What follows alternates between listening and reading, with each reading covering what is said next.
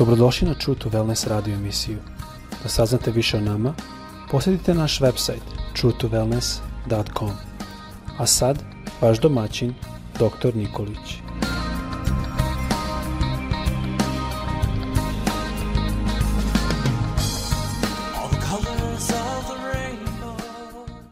Draga braćo, drage sestre i dragi prijatelji, srdečan pozdrav svima sa željom da vas Bog danas silno blagoslovi, da budete u Bogu zaštićeni.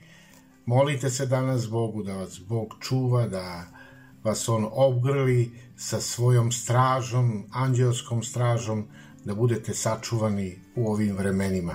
Molimo jedni za druge, mislimo jedni na druge. Molitva je prilika da donesemo Bogu ono što nas muči, a ujedno i da razgovaramo sa Bogom, kao što sam rekao, tako što ćemo ne samo izdeklamovati šta je ono što nas muči, nego i sačekati u jednoj tišini, u smirenju, pred Bogom, da nam Bog da svoj mir i da nam da svoj odgovor. Kada se prepustimo i kada u molitvi se pouzdajemo u Boga, Bog će biti sa tobom danas. Ono što želim da sa vama e, ukratko podelim, bit će jedno pitanje u stvari, pitanje koje često navire iz naših nedoumica zašto nam se neke stvari događaju, koje nam se događaju i onda svi mi negde postavimo, možda ne u ovoj formi, baš ovakvo pitanje, ali vrlo, vrlo slično pitanje ovom. I naslov će ove teme biti čime sam ovo zaslužio ili čime sam ovo zaslužila. Jesi postavio ovo pitanje sebi? Jesi postavila? Pa, ja verujem da često puta smo to negde sebi postavili, ako ne verbalno, da smo to rekli glasno, ali negde u svojim mislima smo se zapitali. Zašto mi se događa ovo što mi se događa?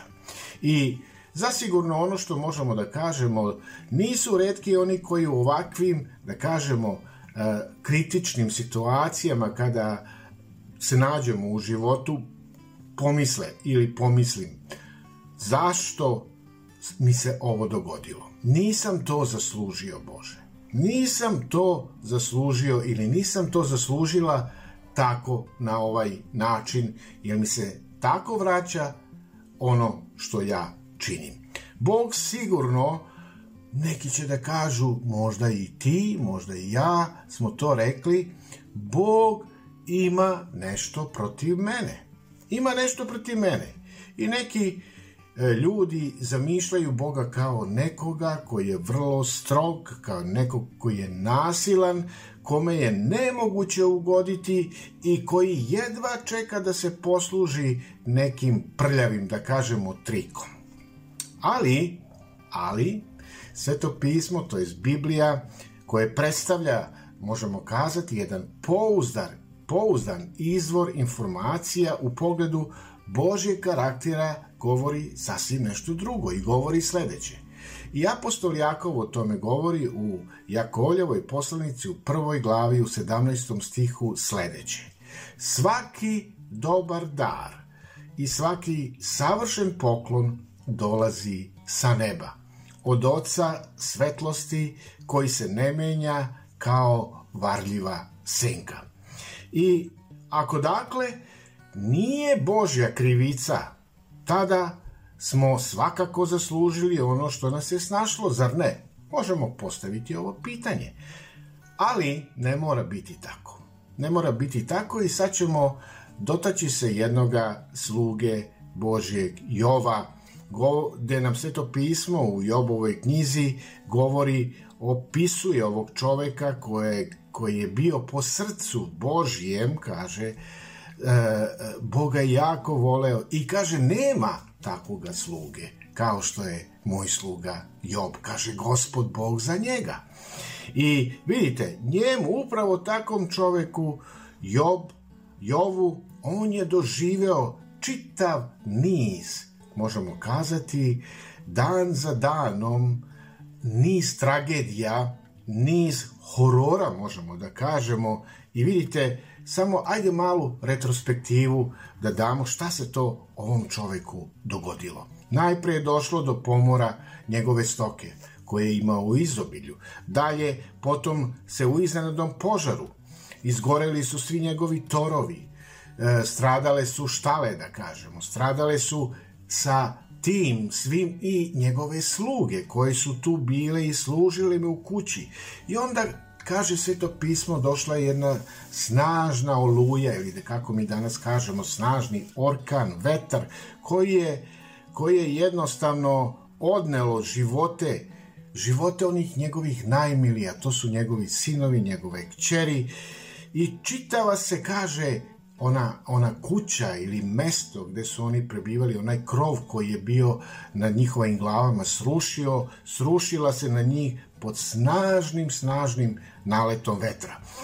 I sada tu su Jobovi prijatelji. I šta Jobovi prijatelji kažu? Oni su smatrali e, na osnovu onog što se događa Jobu, da je on nešto kriv, da postoji ta neka njegova krivica koja ga je, koja jednostavno je dovela u život te nevolje, njegov život, da je sve to njemu se dogodilo.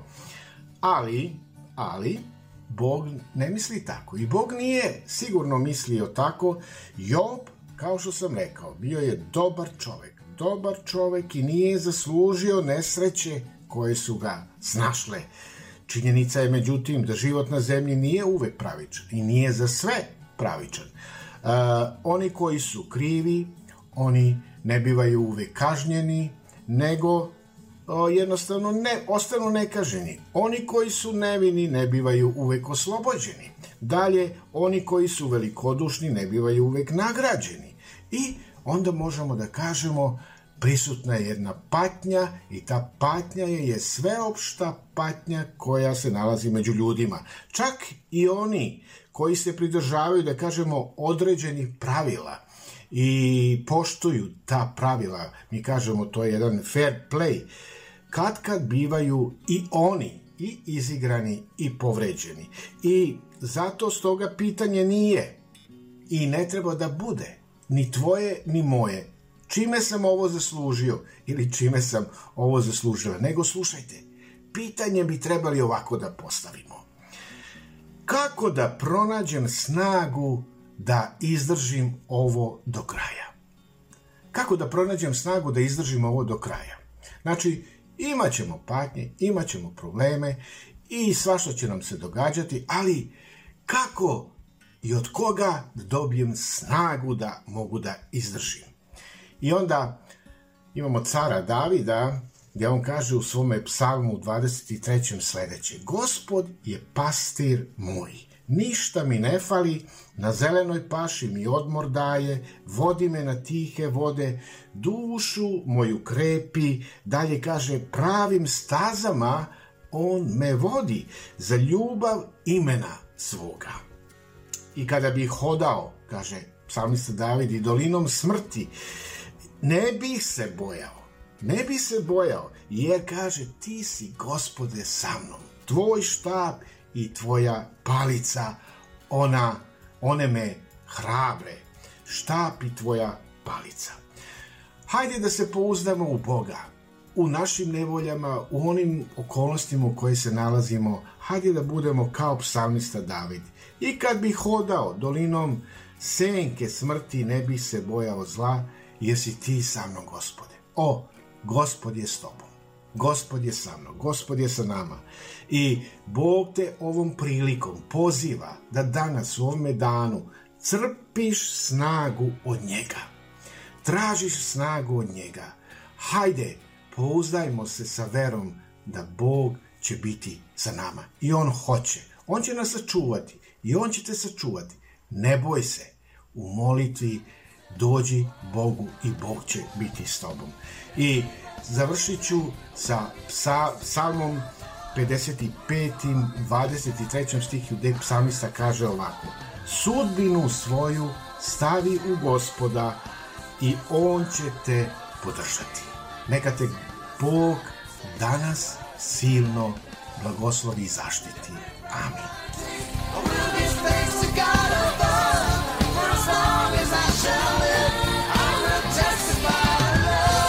Slušajte True to Wellness radio emisiju.